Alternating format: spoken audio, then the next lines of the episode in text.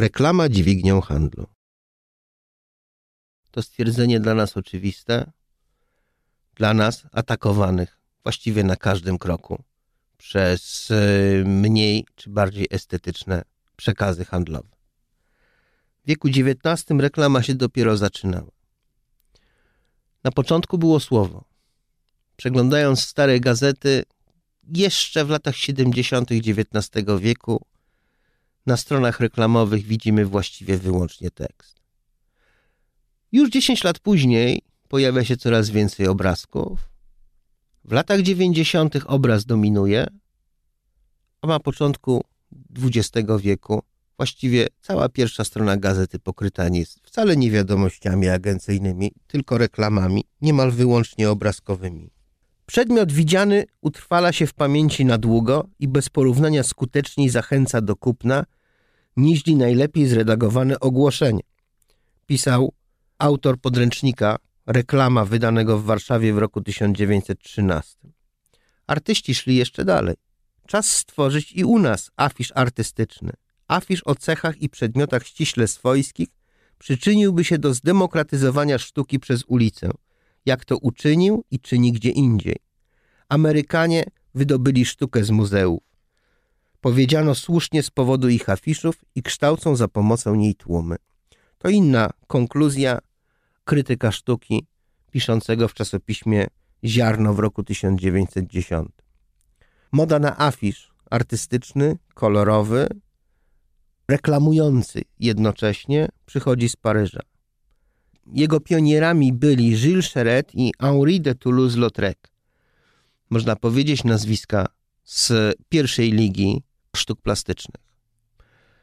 Na ziemiach polskich również pojawiają się afisze barwne, niekiedy wzorowane na stylu Szereta, jak ten jeden z moich ulubionych. Paliłem, palę i palić będę. Oczywiście używając do tego tutek zdrowotnych Paschalskiego. Świat reklamy posługiwał się metodami perswazji, o których doskonale wiedziano, że trafią do odbiorców. Z tych metod perswazji można wymienić przede wszystkim nowoczesność. A czym jest nowoczesność w XIX wieku? Nowoczesność kojarzy się z maszyną parową. Mamy więc masę reklam. Browar parowy. Można zrozumieć, że maszyna parowa do czegoś w browarze się przydaje. Ale do czego potrzebna jest maszyna parowa w wytwórni perfum? Do czego potrzebna jest maszyna parowa w wytwórni smalcu? Właściwie do niczego.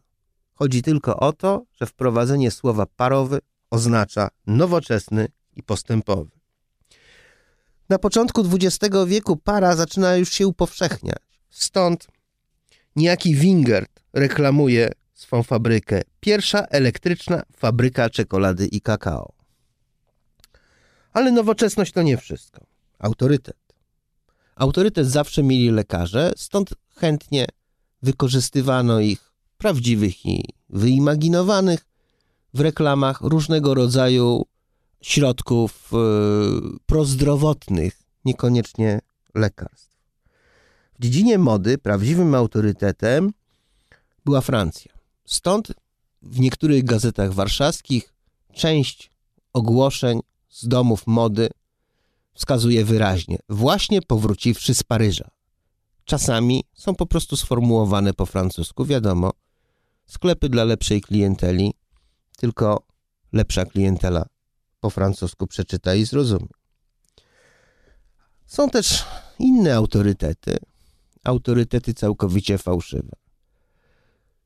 List generała, który reklamuje pastę do zębów Dentol, wygląda całkowicie autentycznie, do tego stopnia autentycznie, że zacząłem szukać w Wikipedii nazwiska nazwiska całkowicie fałszywego, dlatego że w następnym numerze Kuriera Warszawskiego ten sam Dentol reklamowany był za pomocą osobistego listu od pewnego biskupa, którego nie ma w annałach dziejów francuskiego kościoła katolickiego. Autorytetem bywają też celebryci. Celebryci sportowi, celebryci świata teatru, a potem i filmu, pojawiają się w reklamach amerykańskich, ale i u nas na łamach bluszczu w służbie mydła produkowanego przez Malinowskiego pojawiają się na dużych zresztą zdjęciach popularne artystki teatrów warszawskich.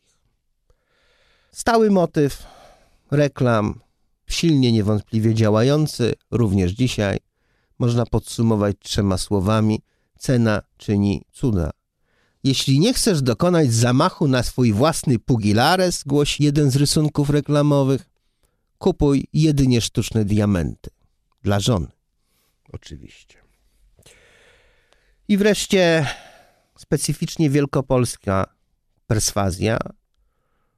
Swój kupuje ósmego. Kiedy zaogniła się w Wielkopolsce polsko-niemiecka rywalizacja w dziedzinie gospodarczej, hasło to zostało bardzo mocno spopularyzowane. Dochodziły do tego rdzennie polskie nazwy towarów. Czapka Maciejówka, woda Przemysławka i tak dalej.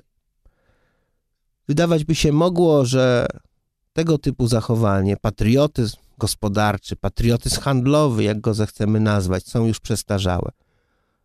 Ale popatrzcie Państwo w reklamy dzisiejsze.